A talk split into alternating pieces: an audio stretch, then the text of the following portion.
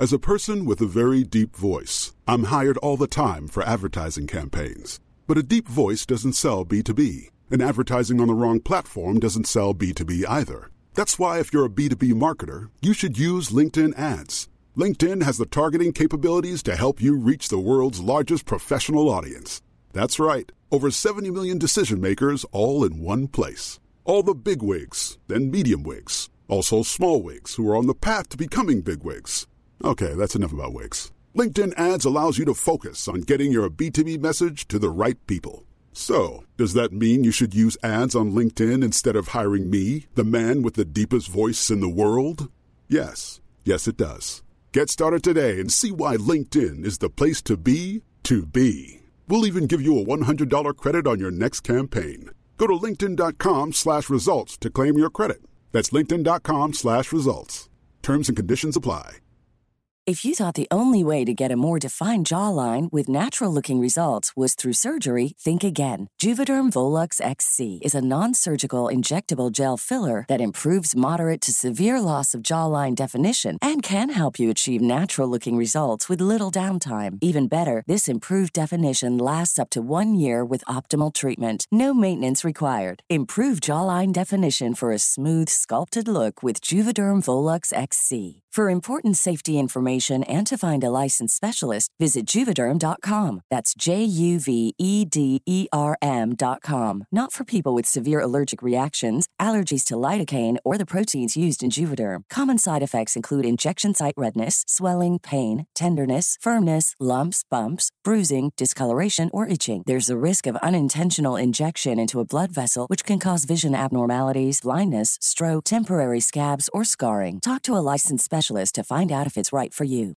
Botox Cosmetic, out of botulinum toxin A, FDA approved for over 20 years. So, talk to your specialist to see if Botox Cosmetic is right for you.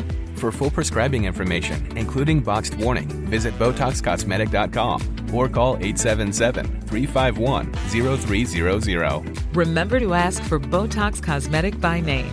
To see for yourself and learn more, visit BotoxCosmetic.com. That's BotoxCosmetic.com. Helt siden de første menneskene slo seg ned i Trøndelag, har det blitt observert underlige lys over Hessdalen. Fenomenet har blitt forsøkt bortforklart som syner sett av bygdetullinger og deliriske hallusinasjoner forårsaket av den lokale drikkekulturen.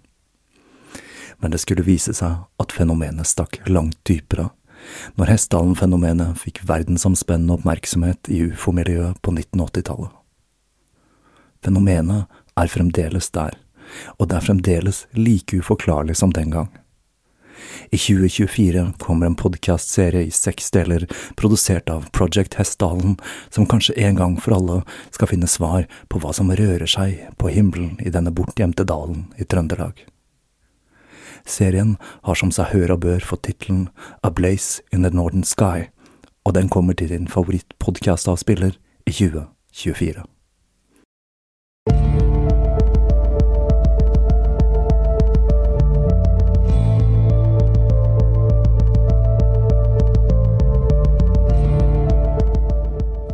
Hei og velkommen til Tåkeprat. Jeg heter Even, og nå er vi kommet til episode 47 og den tredje delen i Prometheus. Og når jeg tar opp denne, så er det da søndag den 19. november 2017. Noen ganger når jeg håndterer tema som er spesielt omfattende, slik som livet til Alistair Crowley, så kommer jeg nok til å måtte legge inn noen ekstra uker for å komme meg gjennom materialet. Selv om jeg stort sett bruker hver eneste ledige stund på å sette sammen disse episodene, så begrenser det seg naturlig med nødvendigheter som jobb og trening. Og for at denne serien ikke skal strekke seg ut over for mange deler, så føles det mer riktig å ha en ekstra uke imellom episodene, for heller å lage litt lengre episoder. Så det er mulig at det i alle fall blir ett eller kanskje to 14 dagers opphold til i løpet av denne serien. Men dere kan trøste dere med at dere får omstendelige og grundige episoder når de først kommer. Jeg sikter meg da inn på at denne serien skal bli i fem deler, så neste episode i Tåkeprat etter denne serien blir da den store jubileumsepisoden, episode 50. Jeg lurer litt på om jeg skal åpne denne episoden for lyttespørsmål. For jeg får stadig henvendelser om tematikk, podcasting, episodespørsmål osv. Så, så om det er stemning for det, så kunne jeg tatt noen av disse spørsmålene i plenum og laget en episode av det. Så om dette er av interesse, så kan dere sende spørsmål enten via mail på tåkepratpodcast at gmail.com, eller sende en PM via Facebook eller Instagram, og merk meldingen med episode 50. Det kan kanskje også være lurt om du sier fra om du ønsker å være anonym, eller om jeg skal bruke fullt navn, eventuelt bare fornavn eller et magisk pseudonym for den saks skyld. Jeg er kanskje noe gammeldags, for eh, folk, ikke minst eh, politikere, elsker jo å ture ut med personlige ytringer i full offentlighet, nå som internett har gitt alle et talerør. Dette er noe som har vist seg å ikke alltid være like lurt, og jeg blir til stadighet overrasket over hva folk klarer å lire av seg i sosiale medier. Hjernene våre er kanskje ikke laget for denne typen massekommunikasjon, men det bør da være mulig å stoppe opp og tenke seg om, i hvert fall lite grann. Og det at mannen som sitter på verdens største atomvåpennasjonal, blottlegger sine personlige meninger på Twitter, er vel med til å bidra til at det å handle først, tenke etterpå, har fått en viss legitimitet. Nå er det da ganske nøyaktig ett år siden jeg startet Tåkeprat, og det er jo også en liten milepæl, da. Det er eh, fascinerende hvor fort tiden går, samtidig som om det virker som om eh, podkasten eksisterer i en egen tidsboble. Det kjennes ut som eh, det er flere tiår siden jeg fortalte om Ed og Lorraine Warren og Rudolf Steiner. Men nå hadde jeg da tenkt til å snakke om noe helt annet. Da jeg holdt på med forrige episode, hadde jeg egentlig tenkt til å ha med en liten tirade om borgerlønn i introduksjonen, da livet til Crowley ikke hadde vært mulig uten den finansielle støtten fra farsarven. Men jeg innså raskt at dette var en litt dårlig sammenligning, da de som blir født inn i rikdom og arver masse penger, ofte ender opp med en dårlig økonomisk forståelse og som regel vaser bort pengene de har fått. Noe som vel må kunne sies om Crowley, og som vi kommer nærmere inn på i denne episoden. Men enkelte ganger i livet så oppstår det underlige synkroniteter som kan få en til å lure på om det er noe eller noen som har en finger med i spillet. Kanskje det er Crowleys hemmelige mestere som trekker i trådene. En venn gjorde meg nylig oppmerksom på en NRK-dokumentar. Hva er borgarlønn? som ser nettopp på dette temaet og kombinert med en dokumentar om eh, William Shatner, eller Captain Kirk om du vil, som tok for seg hvilken påvirkning Star Trek har hatt på forskning, så ble jeg inspirert til å komme med et lite innspill om eh, dette temaet. Aller først så må jeg si at jeg ikke er spesielt begeistret for det norske ordet borgerlønn. Jeg foretrekker da det engelske begrepet Universal Basic Income, eller UBI. Borgerlønn gir en slags eh, politisk assosiasjon, og det er nettopp ideen om at eh, borgerlønn er et påfunn til late hippier for å slippe å jobbe, som gjør at mange kun rister på hodet og avfeier denne ideen, før de i det hele tatt har satt seg inn i hvorfor dette er en økonomisk modell som kan være aktuell i nær framtid. La oss et øyeblikk gå tilbake til eh, Star Trek. I Star Trek sitt univers så har menneskeheten utviklet seg til et eh, stadie der det ikke lenger er behov for ordinært arbeid. Men under overflaten så ligger ideen om at veien til denne utopiske tilværelsen langt fra var knirkefri. I en episode av Voyager så reiser mannskapet tilbake i tid, til midten av det 21. århundre, og vi blir introdusert for en verden der store deler av befolkningen er arbeidsledige. De blir samlet i store leirer der de må kjempe for å overleve, mens en liten, rik elite lever i overdådig luksus. Star Trek er nok den science fiction-serien som har truffet blink flest ganger, med ting som klapptelefoner og nettbrett. Og jeg er redd for at de også har truffet blink med denne dystopiske framtidsvisjonen.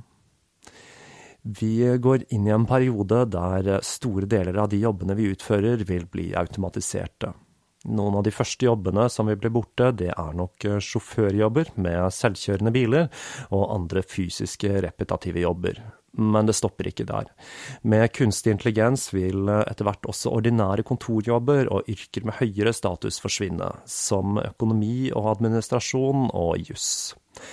Og vi vil da sitte igjen med et lite knippe spesialiserte yrker, som for eksempel programmering, samt kreative yrker som underholdning, håndverk osv. Men ikke alle kan eller vil drive med ting som podcasting, møbelsnekring eller smykkeproduksjon. Her vil jeg anbefale The Second Machine Age av Erik Brynjolfsson og Andrew McAfee fra MIT, som da ser på nettopp denne utviklingen og maler et ganske svart bilde av hva vi har i vente i jobbmarkedet. I alle fall med tanke på et samfunn der arbeid er nødvendig for å overleve. For eh, etterkrigsgenerasjonen var arbeid sterkt knyttet til identitet og meningen med tilværelsen, og denne holdningen er fremdeles dypt integrert i de politiske systemene. Ideen om at alle skal være i arbeid, altså. Denne ideen om at alle må arbeide fra morgen til kveld, er en som har vært med oss lenge, og som nok stammer tilbake fra tiden når vi startet med jordbruk. Men hva skjer egentlig når det ikke er arbeid til alle, og vi har et samfunn der det er kun noen få prosent av befolkningen som er nødvendig for å holde maskineriet i gang? Ressursene er der, men metodene for omfordeling av disse vil ikke lenger være relevante i den virkeligheten vi da befinner oss i. Og det er her ideer som borgerlønn kommer inn i bildet. Enkelt forklart så erstatter man da dagens eh, velferdsstat med en grunnlønn som skal være tilstrekkelig til å kunne dekke basisbehov som mat, helsetjenester og bolig. Men man står da fremdeles fritt til å kunne arbeide utover dette for å øke inntekten sin. Det store spørsmålet er hva skjer da? Mange tror at om mennesker blir gitt økonomisk trygghet, så fører dette til tiltaksløshet og sofasitting. Men eh, de eksperimentene som har blitt utført med denne ordningen, har vist det stikk motsatte.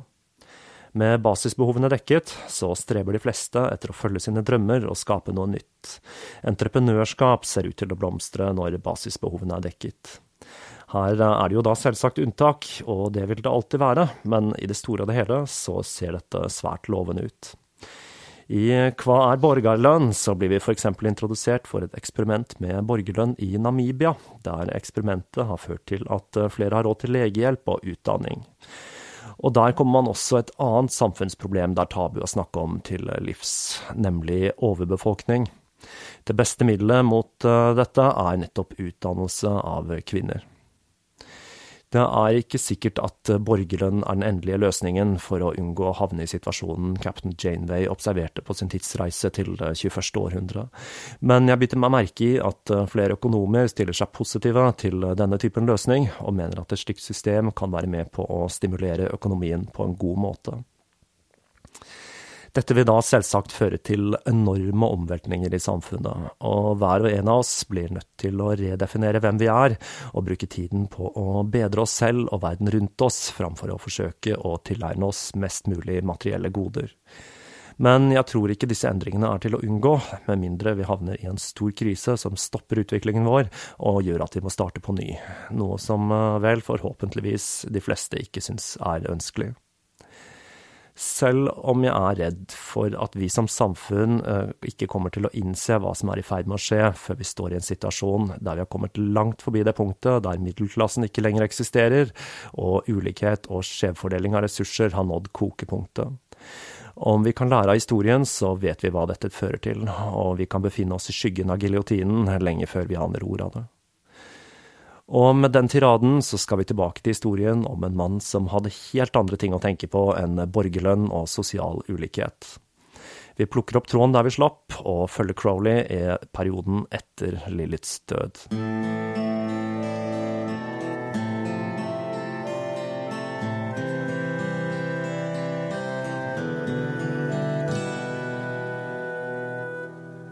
Lilith hadde aldri kommet tilbake til England. Hun hadde dødd på vei hjem av tyfus. Når eh, Crowley endelig møtte Rose igjen den 7. Eh, juni, falt de gråtende i hverandres armer, men det gikk ikke lang tid før han oppdaget at hun hadde fått et eh, tungt alkoholproblem, og han overbeviste seg selv om at datterens dødsfall skyldtes at Rose hadde vært for full til å sterilisere en tåteflaske, og han la skylden på familien hennes at Crowley sitt valg om å dra halve verden rundt og sende sin gravide kone alene med deres datter tilbake til England, kunne hatt en finger med i spillet her, det falt han ikke inn. Han ble selv igjen syk, og livet så svart ut fram til George Cecil Jones fra den andre ordenen dukket opp for å diskutere hans magiske praksis. Han overbeviste Crowley om å dra på en magisk retreat, og etter dette og litt felles ritualer så begynte de to å planlegge oppstarten av en ny orden. En annen person skulle spille en viktig rolle i Crowleys idé om å starte en ny orden, nemlig John Frederick Charles Fuller, han hadde kommet i kontakt med Crowley etter å ha skrevet The Star in the West, det beste og det eneste essayet i en konkurranse Crowley hadde utlyst om å skrive det beste essayet om verkene hans. Fuller hadde en bakgrunn fra militæret, han hadde kjempet i boerkrigene og var, og var svært belest i hinduistisk religion, mytologi og yoga, i tillegg til at han var opptatt av seksuell frihet. Med andre ord, han var en mann etter Crowleys hjerte. De to møttes i midten av august, og de inspirerte hverandre. Crowley inspirerte Fuller med sin interesse for det okkulte, og Fuller Crowley med sin inngående kjennskap til hinduisme. Frustrert over sin kones alkoholisme tok Crowley en ny elskerinne, Vera Schnepp, som han ga kjælenavnet Lola. Dette forholdet inspirerte igjen hans romantiske diktskrivning, og like etter så fødte Rose deres andre datter, som da fikk navnet Lola Sassa, angivelig et navn Crowley ga datteren etter sin elskerinne. Men dette var ingen lykkelig anledning som da Lilith ble født.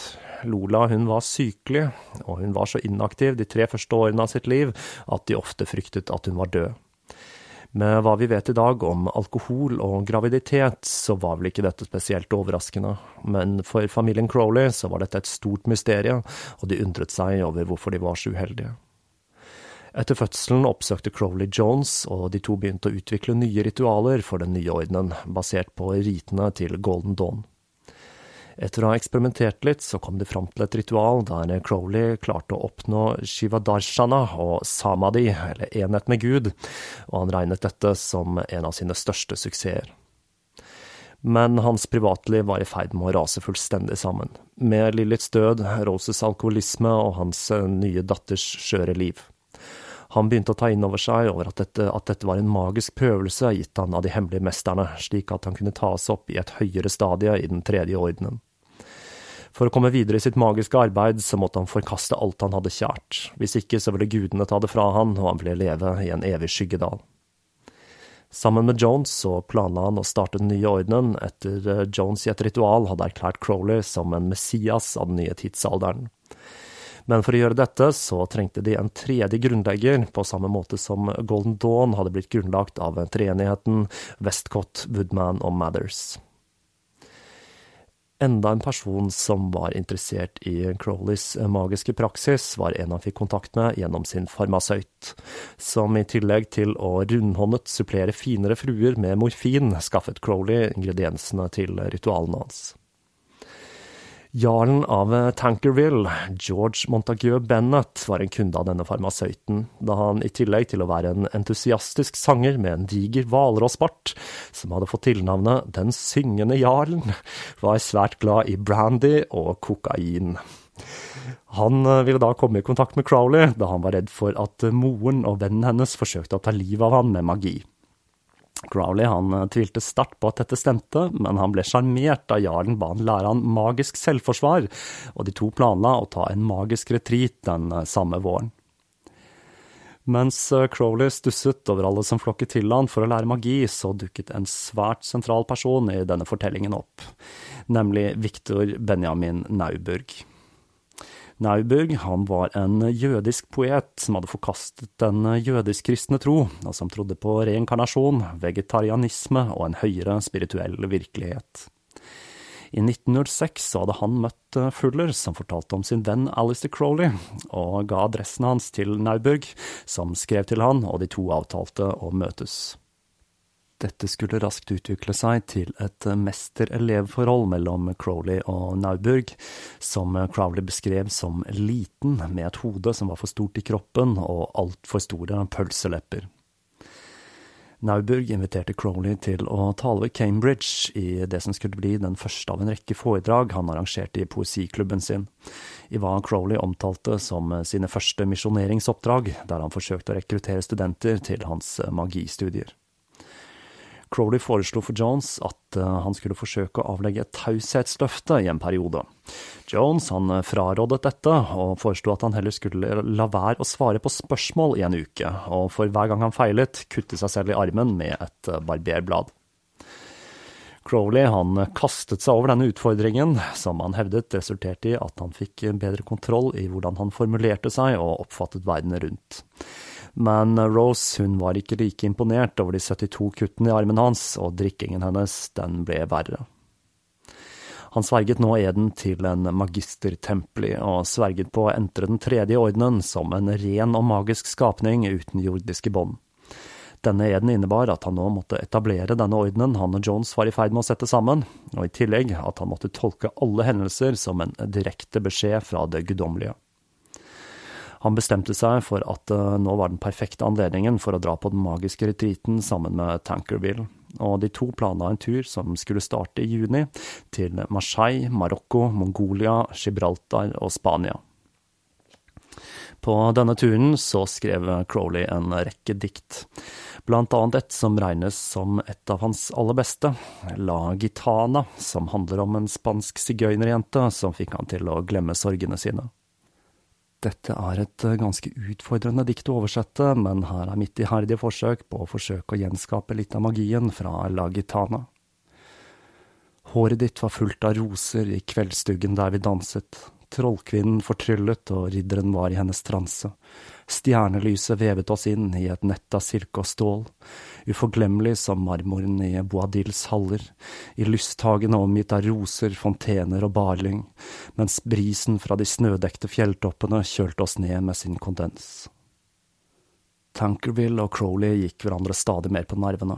Crowley var lei av jarlens paranoide forestillinger, og uttalte at eh, selv om han hadde oppnådd samadhi, så fortjente han en egen grad kun for å tolerere jarlen, og jarlen på sin side var lei av Crowleys evinnelige leksjoner, og de to skilte lag på Gibraltar den 20. juli. Tilbake i England publiserte han en rekke verker, men kanskje viktigst for vår fortelling er at han valgte å publisere essayet om arbeidene hans, skrevet av Fuller, The Star in the West. Dette ble nemlig publisert i en svært påkostet 328-siders utgave, og bar emblemet til Crowleys magister Templi-grad, en skålvekt som balanserer på et sverd under en krone.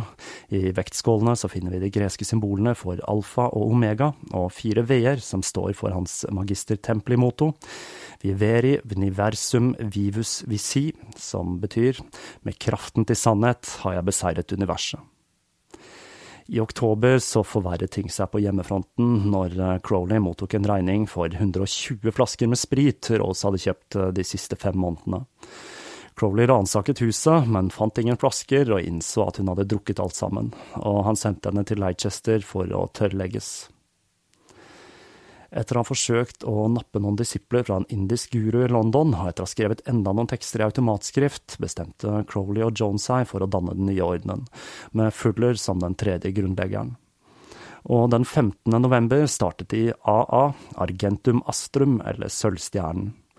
Denne ordenens egentlige navn er hemmelig, og i denne serien så velger jeg å bruke Sølvstjernen for å referere til denne. Resten av året brukte han på å skrive enda flere tekster i automatskrift, og på en kort affære med forfatteren Ada Esther Leverson, en dame Oscar Wilde hadde gitt kallenavnet Svinksen. I februar 1908 var Rose tørrlagt, og familien feiret med en ferietur til Eastbourne, hvor Crowley 13 år tidligere hadde satt sine kalksteinsklipperekorder. Rose virket uh, frisk, og de fant fornyet styrke før de flyttet til en bolig de leide i Roses navn i 21 Warwick Road. Men noen få dager etter de flyttet inn, så begynte Rose å drikke igjen, og den evinnelige kranglingen ble for mye for Crowley, som flyktet til Paris. Men han ble overtalt av et brev fra sin svigerfar om at kysten var klar, da familie og venner hadde overbevist Rose om å moderere drikkingen sin. Tilbake i London så stiftet han et eh, par nye bekjentskaper, annet med journalisten og redaktøren i Vanity Fair, Frank Harris. Men ikke alt var som det skulle med Rose. Hun eh, smugdrakk og fikk stadig raserianfall der hun skjelte ut vennene hans, og ved en anledning så låste hun han ut av huset. Den 23. mai så dro han igjen tilbake til Paris, hvor han innledet enda et par forhold, denne gangen til modellene Nina Olivier og Euphemia Lamb. Da Nauburg kom til Paris for å fortsette sin magiske opplæring under Crowley, oppdaget han at han hadde evnen til å få ånder til å materialisere seg, og med Crowleys hjelp så skulle de etter sigende ha tatt denne evnen til nye høyder. Dette med materialisering av ånder i seanser var noe som var fryktelig populært på denne tiden. De to dro på en fottur i Spania, hvor de tilbakela 23 mil i den spanske heten på en uke. Og i tillegg til å konsumere store mengder hasj på denne turen, så ble de to elskere. De ga opp sin opprinnelige plan om å gå helt til Gibraltar, og den 13. September, september dro Nauburg for å besøke noen slektninger, og Crowley han tok en snartur innom London to dager senere, kun for å oppdage at Rose var mye verre enn noen gang. Så han returnerte til Paris, hvor han fant seg en rødhåret modell ved navn Mary Vasca.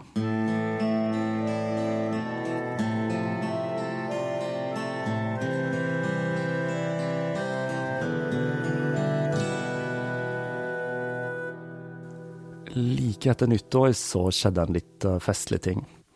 Crowley han publiserte en bok med et dikt som hyllet jomfru Maria, Amfora, og forfatteren sto oppført som privattrykket for forfatterinnen og hennes nærmeste. Her finner vi igjen eksempler på Crowleys humor. I epilogen, som da er en hyllest til jomfru Maria, kan man, om man leser de første bokstavene vertikalt og setter sammen de siste ordene i setningen, lese The Virgin Mary I desire, but assholes set my prick on fire. Og samlingen har da flere av disse små skjulte beskjedene. Denne diktsamlingen var da egentlig en slags hyllest til paganistiske gudinner, hvor Crowley hadde byttet ut navnet til gudinner med Maria og lagt inn litt underbuksehumor for å krydre det hele. Det som gjør det hele litt eh, ekstra festlig, det er at de katolske miljøene tok vel imot denne boka, og Crowley han gjorde ingenting for å stagge ryktene om at det var en engelsk skuespillerinne som hadde skrevet den. Tvert imot, han eh, fikk den publisert på ny av foreleggeren Burns and Oates, som gladelig trykket denne kristne boka. Når eh, kona til Wilfred Meinel, som drev forlaget, oppdaget hvem som egentlig hadde skrevet den, så besvimte hun, og Wilfred så seg nødt til å gi de resterende kopiene til Crowley. I begynnelsen av 1909 så var alt håp ute for Rose, og legene sa at den eneste måten hun kunne reddes på, var om hun ble lagt inn i en periode på to år. Crowley sa at han fremdeles elsket henne, men at han ikke orket å se hun ta livet av seg, og derfor ville ha en skilsmisse. Men for at hun ikke skulle komme dårlig ut av det hele, så kunne hun søke om skilsmisse av utroskap. Crowley han sa da at han skulle fabrikkere bevis, som om det var nødvendig med tanke på hans eskapader den siste tiden. Men til tross for dette så bodde de to sammen i en periode, og de var i daglig kontakt med hverandre. Dette førte til at vennskapet med Gerald Kelly tok en brå slutt, og de to skulle være bitre på hverandre livet ut. Kelly han skulle senere bli adlet og bli utnevnt til presidenten i The Royal Academy i 1949. Og han ble omtalt som en av de viktigste portrettmalerne i sin tid. 1909 var også året da Crowley åpnet Sølvstjernen for nye medlemmer. Talerøret til ordenen var en journal som kom to ganger i året, The Equinox, som i kjent Crowley-stil var svært påkostede utgivelser. Og her må vi gi Crowley litt anerkjennelse for hva han forsøkte å gjøre. Han bestemte seg nemlig for å ikke tjene penger på Sølvstjernen.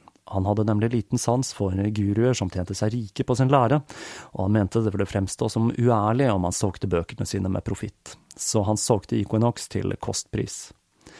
I tillegg til å ha stykker av Crowley, så hadde den første utgaven av journalen bidrag fra Nauburg, Fuller og Frank Harris fra Vanity Fair, pluss andre. Selv om Crowley solgte The Equinox til kostpris, så var den forholdsvis dyr på grunn av den påkostede utgaven. Men til tross for dette, så solgte journalen svært bra, og han ville nok ha tjent penger på den om han hadde tatt litt ekstra. Den fikk veldig blandet kritikk. De fleste så på denne utgivelsen som en litt eksentrisk blanding av magi, poesi og galskap. Men det hele virket, og en rekke prominente personer ble med i den nyopprettede ordenen. En av disse var Kenneth Martin Ward, som under et besøk hos Crowley i Ballskine den sommeren kom til å prate om at han hadde lyst til å stå på ski. Entusiastisk sa Crowley at han kunne få reserveparet hans, og mens han lette etter disse på loftet, kom han over et manuskript han nærmest hadde glemt. Originalmanuset til Lovens bok. For Crowley, som nå var magister Templey, så var ikke dette noen tilfeldighet. Det var et tegn fra de hemmelige mesterne. Han dro tilbake til London, hvor han eh, leide en leilighet i Victoria Street 124, innredet da med annet eh, røde gardiner, en utstoppet krokodille og flere buddha-statuer. Noe som vel høres ut som kontoret til en voodoo-prest i Donald Duck, om du spør meg, da. Denne leiligheten ble hovedkvarteret til The Equinox, og den andre utgaven, som ble publisert den 20. september, inneholdt annet detaljerte beskrivelser av ritualene til Golden Dawn. Og polfarer Robert Scott skal visstnok ha blitt rasende da navnet til hans kone Kathleen Bruce dukket opp i et av diktene. Mens eh, skilsmissen nærmet seg, forsøkte Rose å få en ny sjanse, og Crowley visste at han kom til å gi etter, så han tok med seg Nauburg og dro på hva som skulle bli en legendarisk fottur i Algerie. Den 24. november ble det holdt en høring om eh, Roses skilsmissekrav. Dommeren spurte Rose. Kalte denne mannen seg Alistair Crowley når de møtte ham for første gang? Nei, svarte Rose.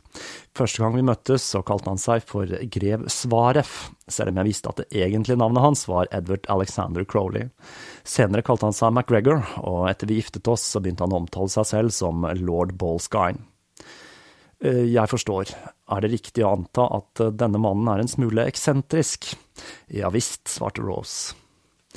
Høringen fortsatte med en rekke vitner som kunne fortelle om en haug med skandaler og et barn angivelig født utenfor ekteskapet med Crowley som far. Rose fikk innvilget skilsmissen, og Crowley ble dømt til å betale barnebidrag. Men dette skulle vise seg å være vanskelig, da Crowley på dette tidspunktet mer eller mindre hadde brukt opp hele formuen sin på de eksklusive utgivelsene og sine mange ekspedisjoner men det ble satt opp et fond som ble styrt av Jones og Eckenstein, som skulle fordele midlene mellom Rose og Lola. Ekteskapet mellom Rose og Crowley var dømt til å feile helt fra begynnelsen. Selv om Crowley sa at Rose var den tredje viktigste tingen i livet hans, da etter magi og bøker, så hadde ekteskapet blitt inngått som en strategi for at Rose skulle slippe å gifte seg med en av disse frierne hun hadde sagt ja til.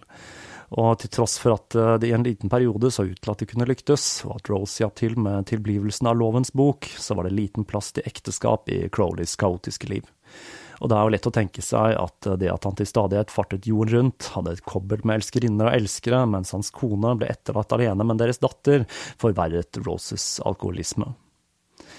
Mens eh, skilsmissen pågikk, så drev Crowley og Nauburg med helt andre ting i Algerie. Crowley hadde altså tidligere forsøkt å påkalle demonene i Goetia når han møtte Alan Bennett for første gang i eh, Golden Dawn. Men han hadde aldri lyktes, men i sin nye rolle som magister Templi så begynte han sammen med Nauburg å påkalle disse ved hjelp av John Dees enokianske påkallelser. Jeg skal ikke gå for dypt inn i detaljene her, men det er et par høydepunkter fra denne meget spesielle fotturen i Algerie jeg bare er nødt til å ha med. Crowley var ikledd en kapp kappe og turban. Og Nauburg han hadde skinnet seg, men latt to små hårtuster som han hadde formet som horn, være igjen.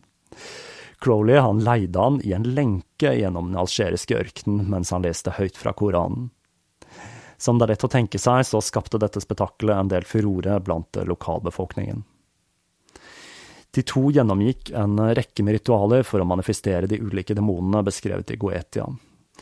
I løpet av ett av disse blir Crowley klar over at han må ofre for å få skapningen til å manifestere seg, og han forsøker å bruke seksuell ekstase som det magiske offeret i ritualet, med Nauburg i hva som blir beskrevet som den aktive rollen på alteret i den algeriske ørkenen. I løpet av denne serien med ritualer ofrer Crowley også en due i et av de få As a person with a very deep voice, I'm hired all the time for advertising campaigns. But a deep voice doesn't sell B2B, and advertising on the wrong platform doesn't sell B2B either. That's why, if you're a B2B marketer, you should use LinkedIn ads. LinkedIn has the targeting capabilities to help you reach the world's largest professional audience. That's right, over 70 million decision makers all in one place. All the big wigs, then medium wigs, also small wigs who are on the path to becoming big wigs. Okay, that's enough about wigs. LinkedIn ads allows you to focus on getting your B2B message to the right people. So, does that mean you should use ads on LinkedIn instead of hiring me, the man with the deepest voice in the world? Yes. Yes, it does. Get started today and see why LinkedIn is the place to be to be. We'll even give you a $100 credit on your next campaign. Go to linkedin.com slash results to claim your credit. That's linkedin.com slash results. Terms and conditions apply. Ryan Reynolds here from Mint Mobile. With the price of just about everything going up during inflation, we thought we'd bring our prices down. So to help us, we brought in a reverse auctioneer, which is apparently a thing. Mint Mobile unlimited premium wireless. Ready to get 30, 30, bit to get 30, bit to get 20, 20, 20, bit to get 20, 20, bit to get 15, 15, 15, 15 just 15 bucks a month. So, Give it a try at mintmobile.com slash switch. $45 upfront for three months plus taxes and fees. Promo rate for new customers for limited time. Unlimited more than 40 gigabytes per month. Slows. Full terms at mintmobile.com. blodofrene han noen gang skulle utføre i løpet av sitt liv. Her er det også enda en parallell til Leary, som da skulle ta LSD på akkurat denne samme plassen i Algerie, mens han var i eksil etter å ha rømt fra fengsel med hjelp av The Weather Underground. Men det er en historie vi kommer tilbake igjen til senere her i Tåkeprat.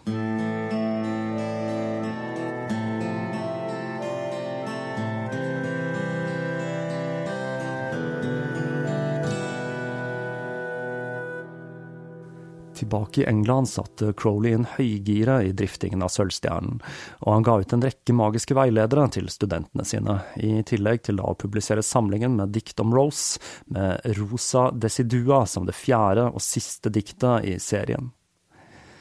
Jeg kan ikke huske de rosenrøde timer, lukten fra de dagene blant blomstene er vekk, druknet i stanken av det forbannede nået. Mathers han gikk nå rettens vei for å forhindre at de resterende Golden Dawn-ritualene skulle bli publisert i det neste nummeret av The Equinox. Men denne rettssaken skulle vise seg å ha en helt annen effekt enn hva Mathers og Golden Dawn hadde håpet på. I en svært lattermild rettssal forsøkte Golden Dawn å forklare hva en esoterisk orden er, og hvorfor ritualene var hemmelige med argumentasjon som at eh, det i det forrige nummeret av The Equinox ble publisert så mange av de hemmelige ritualene at om eh, det nye nummeret ble publisert, så ville katta være ute av sekken, og skaden ville være uopprettelig. Hvorpå det da blir sagt, jeg tror den katten allerede er død. Hele rettssaken framsto rett og slett som en sketsj med britisk humor som kunne vært sakset ut av en episode med Blackadder. Det hele endte med at Mathers og Golden Dawn tapte, og ble nødt til å betale saksomkostningene. Saken fikk enorm oppmerksomhet i pressen, som da veltet seg i overskrifter om denne komiske rettssaken, og navnet til mannen som hadde publisert de hemmelige ritualene til Rosenkorsordenen og Golden Dawn, ble nå allemannseie. Alle visste nå hvem magikeren Alistair Crowley var. Og for Mathers skulle det å ha fremstilt seg som leder for Rosenkorsordenen føre til at han ble uglesett i en rekke av de esoteriske miljøene. Og Crowley han fikk eh, flere titler av diverse ordener, som annet av den tyske ordenen Ordo Templi Orientis, og han ble kjent med John Yarker, en frimurer som opererte utenfor den eh, anerkjente delen av frimureriet, og som annet var ansvarlig for Memphis Misraum-ritualet. Dette førte da til en medlemsboom i Sølvstjernen, som fikk 26 eh, nye medlemmer i 1910 mot 16 i 1909. Det viktigste nye tilskuddet til ordenen ble med den 1. april. Den australske fiolinisten Laila Ida Nerissa Baturs Vadel, som skulle bli en av de viktigste magiske partnerne i livet til Alistair Crowley. Laila hun var en svært dyktig fiolinist som hadde høstet stor suksess i sitt hjemland, og som var kommet til England for å perfeksjonere sin kunst. I 1911 spilte hun Oscar Strauss av Walt Dream i en oppsetning som hadde 106 forestillinger. Med sine maori-gener, slanke figur, mørke hår ned til midjen og eksotiske utseende, så falt Crowley pladask for denne australske skjønnheten, som han døpte Den himmelske mor, og ofte kun refererte til som mor. Kun noen få uker etter de hadde møttes, så skrev han to historier basert på Leila. The Vixen og Fiolinisten. Begge er skrekkhistorier der hun ble fremstilt som en glad, ærlig og kløktig jegerske. Han publiserte også en bok som skulle sørge for mer trøbbel senere, nemlig Den parfymerte hagen, som da etter sigende skulle være oversatt fra et sjeldent indisk manuskript. Denne boka den handler da om pederasti, og boka den var en hyllest til iranske poeter med deres mystisisme og homofil kjærlighet, og også en hyllest til sir Richard Burton og hans bøker om seksualitet i Det fjerne østen. I 1913, når de fleste kopiene av boka var blitt konfiskert og destruert, sa Crowley at denne boka forsøker å forstå tankene til perseren, mens den første delen gjør det samme med den engelske presten. Med tanke på alle skandalene i den katolske kirken, så kan det vel kanskje virke som om man traff spikeren på hodet der. For alle fiendene Crowley hadde skaffet seg, så var jo denne boka en gavepakke. Og Cambridge de mottok et brev der det ble påstått at Crowley var pederast, og det hele førte til at han ble nektet adgang til Cambridge for å holde foredrag. En kveld når de hadde gjester, så foreslo Crowley at Leila skulle akkompagnere diktlesningen hans med fiolinspill som var tilpasset stemningen. Dette skulle vise seg å være svært effektfullt, og inspirert av et eh, tidligere ritual der Nauburg hadde kanalisert Bartzabel, ånden til Mars, hvorpå han hadde brutt ut i en fantastisk dervish-lignende dans, så skrev Crowley to dikt til Leila. Tolken og Pan til Artemis, som skulle danne grunnlaget for et nytt dramatisk ritual inspirert av forestillingene til herr og fru Matters i Paris noen år tidligere. Den 23. august inviterte Sølvstjernen presse og publikum til å ta del i Artemis-ritualet på kontorene til The Equinox. I de røkelsesfylte lokalene ble tilskuerne introdusert for hva som vel må kunne kalles et slags stykke performancekunst, med en blanding av ritualmagi, poesi, musikk og ekstatisk dans. Tilskuerne de fikk selv ta del i sakramentet ved å ta en slurk av den magiske koppen. Crowley han sa aldri hva blandingen inneholdt, kun at det var en eliksir han hadde lært oppskriften til i Europa. Mest sannsynlig så inneholdt blandingen anahalonium levini, eller peyote, kaktusen hvis aktive ingrediens er det psykedeliske stoffet meskalin. Et eh, svært potent psykedelisk stoff som gjerne virker opp mot 16 timer. Det er kanskje ikke så rart at ritualet gjorde stort inntrykk på tilskuerne. Crowley var også den som skulle introdusere Aldous Huxley for meskalin, noe som gjorde at den svært anerkjente forfatteren, som da blant annet står bak monumentale verk som Brave New World, skrev The Doors to Perception, en bok som inspirerte en rekke psykedeliske oppdagere, deriblant Jim Morrison, som tok navnet The Doors nettopp fra denne boka. Arbeidet med den nye utgaven av The Equinox startet like etter dette ritualet. I lokalet til tidsskriften var Crowley nå omgitt av en underlig gruppe kvinner, og Nauburg da, selvsagt. Denne gruppen med studenter fikk kallenavnet Haremet, og dette var en skikkelig selsom forsamling, som blant annet inkluderte en åpent lesbisk dame som kledde seg som en mann. Dette var da ikke bare bare på denne tiden, med tanke på at homofili var forbudt i England fram til 1967. Laila, som snakket australsk, ble mobbet for aksenten sin, da alle kalte Crowley for AC, men med hennes brede aksent så ble det mer som IC. Um, hva skulle jeg ikke gitt for å vært flue på veggen i redaksjonen til uh, The Equinox? Det hele høres litt ut som et plott i en av filmene til John Waters. Den fjerde utgaven av Equinox kom i september, og like etter dette kom en mystisk brosjyre som reklamerte for Elysus riter. Crowley hadde nemlig bestemt seg for å kjøre en serie med ritualer av den samme typen som Artemis-ritet, basert på de sju planetene i klassisk astrologi. Billettene til disse ritualene var svært dyre, og de fikk en svært blandet mottagelse i pressen. En av de argeste kritikerne var Looking Glass, som trykket en artikkelserie som het Den fantastiske sekten, og som kom med en rekke personangrep mot Crowley. Hans nærmeste oppfordret han til å saksøke, men Crowley han lot være, enten fordi det gikk rykter om at Looking Glass hadde dårlig økonomi og ikke kunne betale erstatning, eller fordi Crowley selv begynte å slite økonomisk. Jones valgte derimot å gå rettens vei for å renvaske seg selv fra sladder skrevet om han i Looking Glass. Det oppsto en rift mellom han og Crowley da Crowley ikke ville bistå han i dette søksmålet. Selv om man i dag kan se tilbake på disse teaterforestillingene som forgjengeren til det eksperimentelle teatret som så dagens lys på 60- og 70-tallet, så ble sladderen og presset fra tabloidavisene så voldsomt at flere i Sølvstjernen valgte å distansere seg fra ordenen. Og Crowley han rømte landet med Nauburg for å gjenoppta serien med enokianske ritualer i eh, Algerie.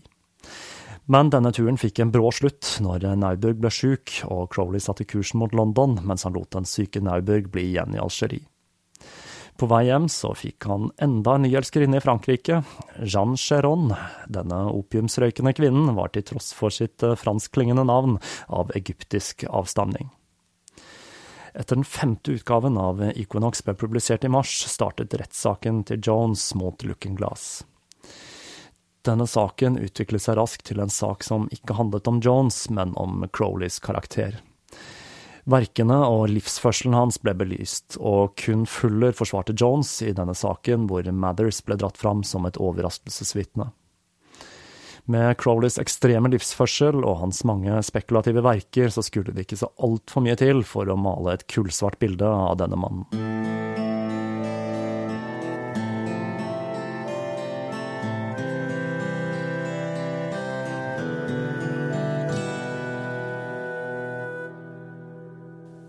Looking Glass kom seirende ut av det hele, og Crowley mistet to av sine nærmeste venner da han ikke ville vitne på vegne av Jones uten å bli spurt først, og Jones han kviet seg for hva Alistair kunne komme til å si i retten, og valgte å ikke spørre han. Med denne rettssaken så begynte ryktet om verdens ondeste mann å sirkulere, et rykte som har overlevd frem til i dag. Men Crowley han begynte hardnakket å jobbe på den neste utgaven av Equinox, som eh, når den kom den høsten skulle vise seg å være den tynneste utgaven så langt, på grunn av at da Jones og Fuller hadde forlatt organisasjonen. Men til gjengjeld så trykket han ritualene fra Elysis-ritene, slik at offentligheten selv kunne dømme de, uten tabloidene som filter. Det tok ikke slutt på damene i Crowleys liv, for nå skulle han møte enda en av disse kvinnene som kom til å ha en betydelig innflytelse på livet hans, nemlig Mary Dusty. Denne damen hadde en svært fargerik bakgrunn, og skulle gifte seg fire ganger i løpet av sitt liv.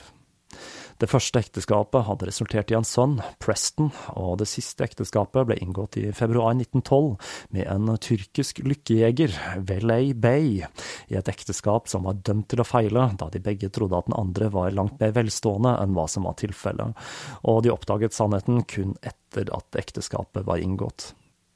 Hun startet en lukrativ forretning der hun solgte en ansiktskrem, Le Secrette Harem, basert på en oppskrift hun hadde lært av faren til Velay Bay.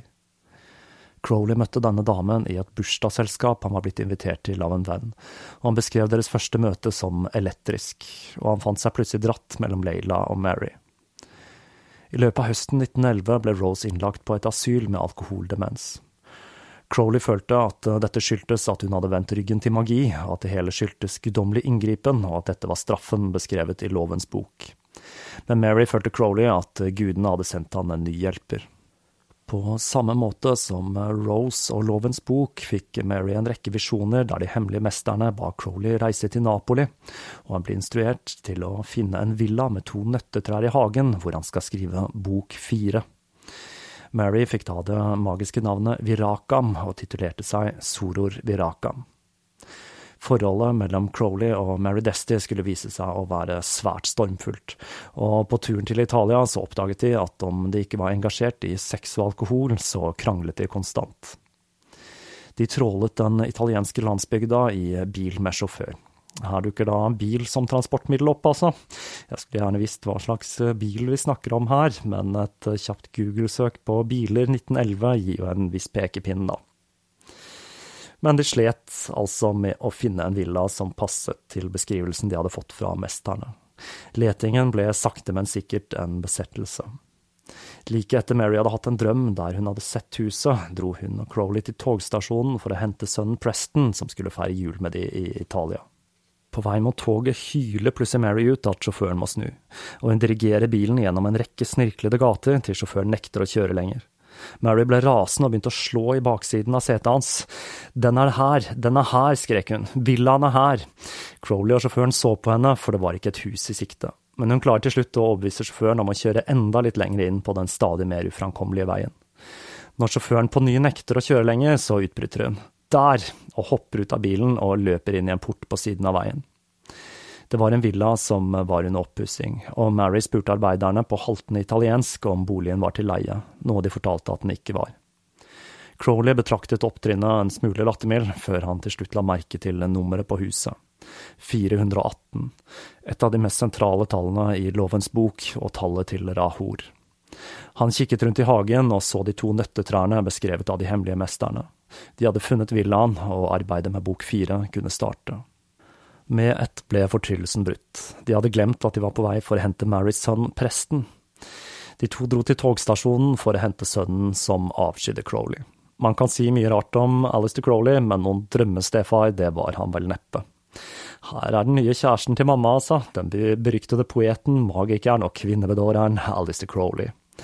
Dette er jo da helt på nivå med Lucky, for de av dere som har sett denne, denne fantastiske norske filmen til Hva med vennere, hvor Luckys mor til stadighet drar nye menn med seg hjem, deriblant gymlæreren som mobbet ham på skolen.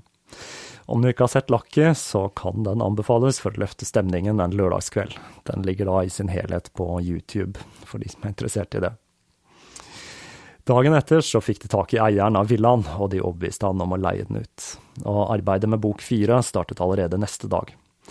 Crowley så for seg at boken skulle være i fire deler, der den første delen skulle handle om yoga, den andre om magiske verktøy, den tredje om Crowleys teori om magi, og den fjerde skulle inneholde Crowleys kommentarer til Lovens bok.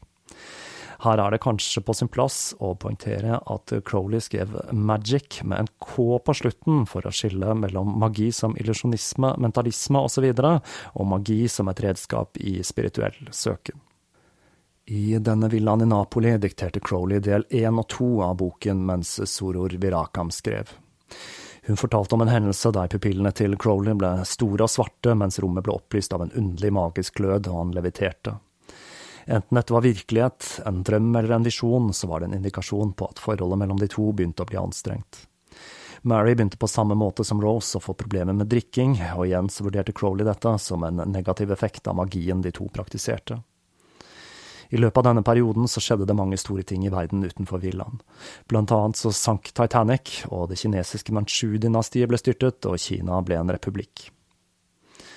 Når de to skiltes, så gjorde de det som venner.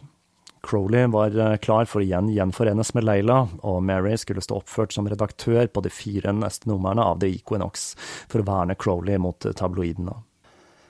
Etter perioden med Crowley skulle Mary, som alltid hadde en spesiell plass i hjertet for denne mannen, som hun da omtalte som et av de smarteste menneskene hun noensinne hadde møtt, bli svært velstående med sitt Maison d'Esti-firma, og hennes sønn presten skulle bli en svært vellykket filmregissør gjennom 30-, 40- og 50-tallet. Bok fire skulle derimot ikke bli fullført før to tiår senere. Vårutgaven 1912 av The Equinox var nok en av de viktigste utgivelsene i serien. Den inneholdt blant annet den første utgaven av Lovens bok, med et eh, trykk av den egyptiske tavlen han og Rose hadde sett på museet i Kairo. Det var også en rekke fotografier i denne utgaven, som av enkelte ble stemplet som pornografiske. De viste nemlig den eh, tykke, aldrende, nakne Crowley, da riktignok med sensurert penis, i diverse yogapositurer, og med en tekst som forklarte at en rekke medlemmer av Sølvstjernen hadde klaget på at mange av stillingene var for vanskelige, og at de ikke var fysisk skikket til å gjennomføre de. Crowley argumenterte med at når en eldre, korpulent mann kunne få til dette, så var ikke fysisk egnethet et argument for ikke å praktisere yoga.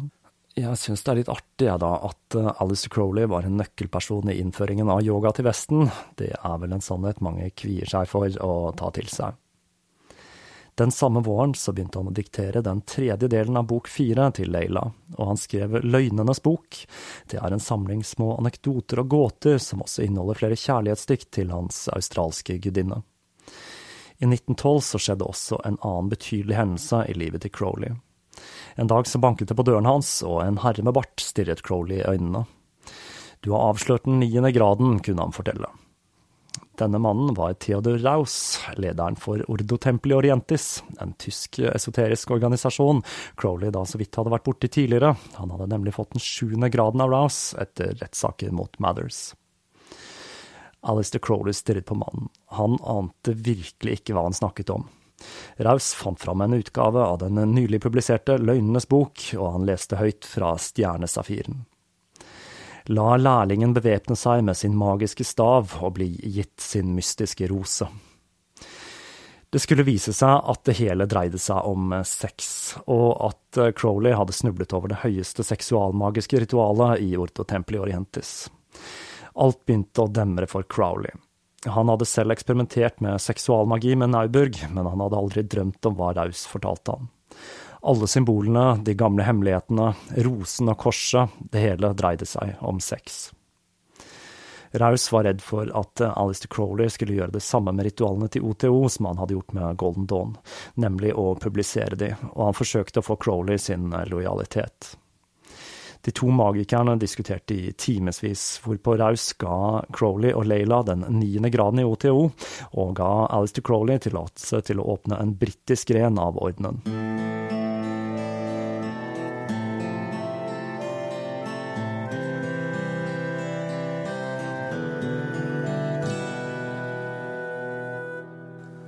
OTO er en organisasjon som er basert på en rekke esoteriske og magiske tradisjoner, deriblant frimureri. De første sju gradene samsvarer med frimureriet i så stor grad at OTO innvilget en korresponderende grad i tempelet til frimurere med en av disse gradene. OTO skiltes også ut i det at de aksepterte begge kjønn i rekkene, noe som gir en mening når man kjenner til de høyere ritualene. I historien til OTO så dukker en annen kjent figur fra Tåkeprat opp, nemlig Rudolf Steiner. Han var ikke et medlem, slik enkelte hevder, men han banket i det samme miljøet, og Raus hadde gitt Steiner ansvaret for en av disse frimurlosjene som opererte utenfor det anerkjente ritualet. Crowley hadde da følgende å si om Rudolf Steiner. Da han oppdaget hva den niende graden var, så flyktet han. Crowley han startet den britiske grenen Mysteria Mystica Maxima sommeren 1912, og han fikk den tiende graden som den overlegne og hellige kongen av Irland, Ionia og hele Britannia i det hellige tempelet av Gnossis. Eller eh, sjef for OTO i England, for å si som folk flest. En av skuespillerne som hadde vært med på Elusis-ritualene, Jean Heiss, hadde giftet seg med gravøren Wilfred Merton, som tidligere hadde publisert noen av Crowleys eh, tidligere verker. Men hun hadde hatt en affære med Nauburg, noe som da hadde ført til en skilsmisse, og hun bodde nå i en egen leilighet, hvor hun var eh, svært plaget, både av skilsmissen og hennes fars død tidligere det året. Hun var blitt venn med kunststudenten Nina Hamnet, som var fascinert av alle fortellingene om Elises-ritualene, og til tross for at hun var jomfru og hadde hørt at det var farlig for unge jenter å være alene med Crowley, så takket hun ja til å male fire malerier for han, ett for hvert element. Ved en anledning så var hun alene med den aldrende magikeren, som lå og sov på et skinn foran peisen mens hun malte. Plutselig våknet Crowley og stirret på jenta, som fikk hjertet i halsen. Er du alene? Ja, svarte hun med skjelvende stemme, før Crowley la seg ned igjen på skinnet og sovnet. Den 1. august fortalte Jeanne Nina at hun hadde tenkt seg ut på en lengre reise, og at hun gjerne ville gi bort noen klær. Nina, som var en fattig kunststudent, ble glad for å få noen nye klær, men da hun kom tilbake for å hente klærne neste morgen, fant hun en konvolutt festet til døren med husnøkkelen. Hun låste seg inn og ropte på venninnen, men fikk ikke svar. Hun kikket seg litt rundt, og da hun dro til side et rødt forheng, så fant hun liket til Jeanne ved siden av en pistol med perlemorshåndtak og et selvmordsbrev. Jeanne hadde skutt seg selv, noe hun hadde gitt signaler om i lengre tid, men hun var ikke blitt tatt på alvor. I september kom den åttende utgaven av The Equinox, som nå var det offisielle organet både til Sølvstjernen og OTO. Men eh, medlemstallene i Sølvstjernen var i stadig fall, og Crowley bestemte seg for å satse hardere på OTO, eller MMM, som da den engelske grenen het. Etter utgivelsen av neste nummer våren 1913 skulle Crowley i en periode fokusere på musikk. Leila hadde nemlig problemer med å finne arbeid, til tross for sine ferdigheter og flere opptredener i inn- og utland, blant annet i Amerika. Det var nemlig ikke vanlig med kvinner i orkester, og nå gjorde Crowley noe man bare må gi han en klapp på skulderen for.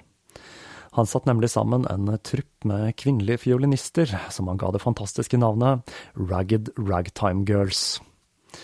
Til tross for navnet så spilte Ragged Ragtime Girls eterisk musikk, akkompagnert av dans, og de høstet stor suksess. Crowley han tok på seg rollen som promotør og sendte ut pressemeldinger og bilder som reklamerte for de, og allerede i april så hadde de en forestilling i operahuset i London, og han fikk booket jentene til en turné i Russland. Den 7. juli så dro han og de syv damene til Moskva, etter at Crowley hadde betalt for 1000 Ragged Ragtime Girls-postkort og sendt materialet til den tiende utgaven av The Equinox til trykk. Til tross for at de oppdaget at eh, alle hotellene i Russland var infiserte med veggdyr, så ble de raskt sjarmert av dette landet. Crowley han storkoste seg, og han fant en prostituert som han kalte Olja med den brukkede nese. Og han traff en ungarsk jente, Annie Ringler, som til tross for at hun kun snakket noen få ord gebrokken tysk, og Crowley kun kunne noen få ord på russisk, så ble de elskere. Og han fant igjen inspirasjonen til å skrive poesi. I løpet av det oppholdet i Russland så skrev han mer enn 150 000 ord, og blant annet et av hans mest kjente dikt, Hymne til Pan. Opphisset av lysets elegante lyst, å mann, min mann, kom farende ut av natten til Pan. Iopan, Iopan, Iopan, kom over havet fra Sicilia og Arkadia, vandre som Bakkus med fauner og leoparder og nymfer og satyrer som dine voktere, på et melkehvitt esel, kom over havet, til meg, til meg.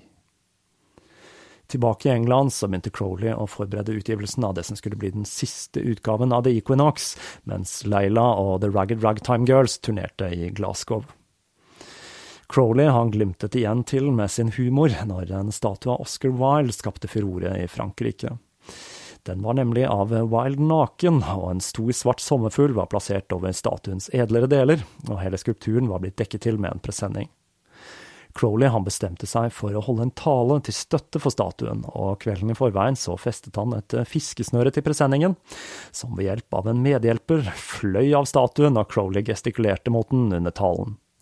Han klarte å stikke til seg sommerfuglen, og da han var tilbake i London igjen, så spaserte han rundt med denne som penisfutteral.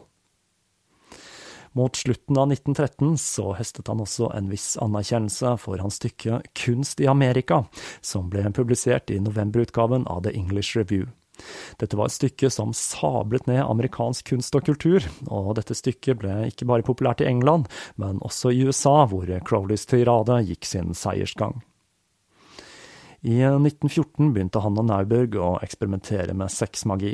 I løpet av en serie med ritualer så påkalte de annet Hermes, og kurerte visstnok Naubergs forlegenhet ved å få en felles venninne til å se på mens de praktiserte.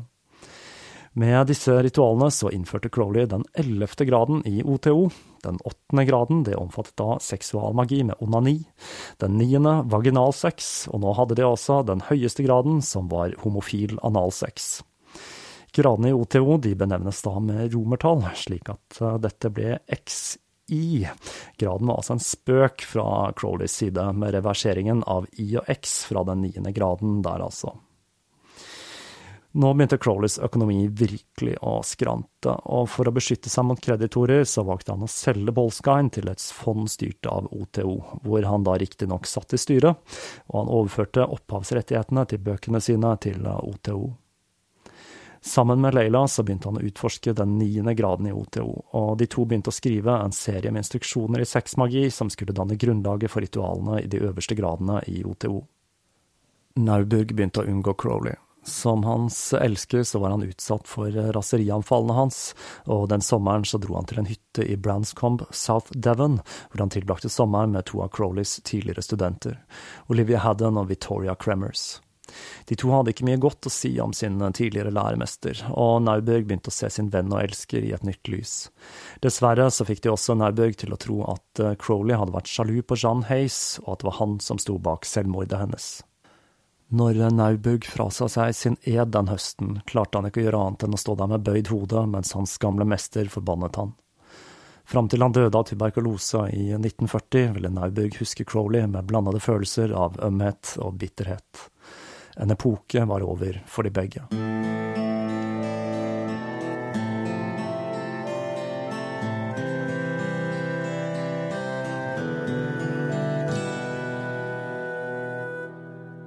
Og der forlater vi det kaoset som var livet til Alistair Crowley for denne gang. Det skulle iallfall ikke stå på intriger og romanser i livet til Crowley. Jeg har ikke telt hvor mange ulike elskerinner og elsker han hadde i løpet av denne perioden, men det er ikke få, og jeg har til og med ikke tatt med alle. Det syndige tiår, 1890-tallet, og til og med The Roaring Twenties, var tydelig en periode som i alle fall for noen var preget av promiskuitet. Det virker som om det ikke var mulig for Crowley å dra til Paris uten å havne i minst ett romantisk forhold.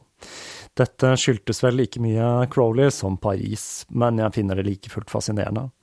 Det er kanskje ikke så rart at syfilis raste i Europa på denne tiden, og denne historien gjør at jeg igjen får lyst til å plukke opp Kongen i gult og lese beskrivelsene til Chambers av hans dekadente Paris.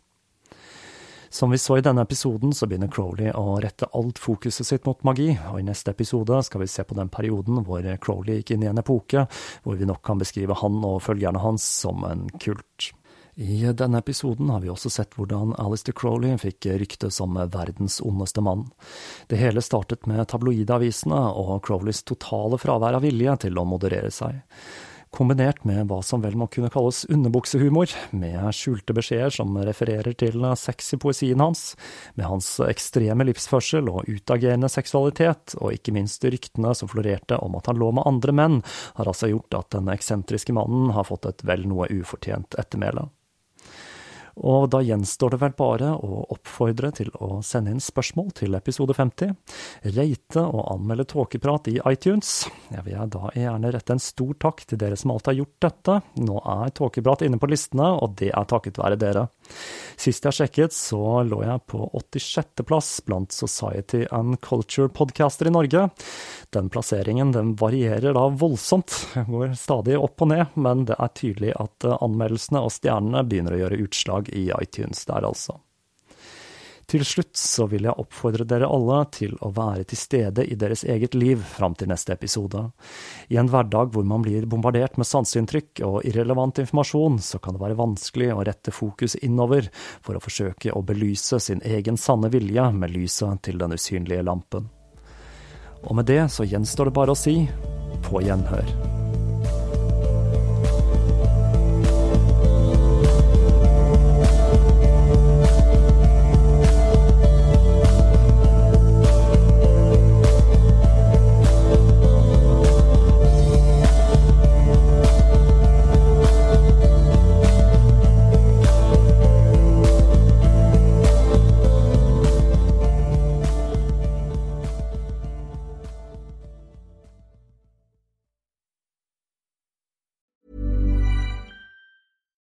Botox Cosmetic, out of botulinum toxin A, FDA approved for over 20 years. So, talk to your specialist to see if Botox Cosmetic is right for you.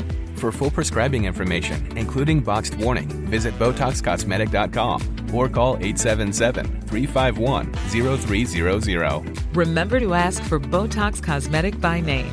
To see for yourself and learn more, visit BotoxCosmetic.com. That's BotoxCosmetic.com.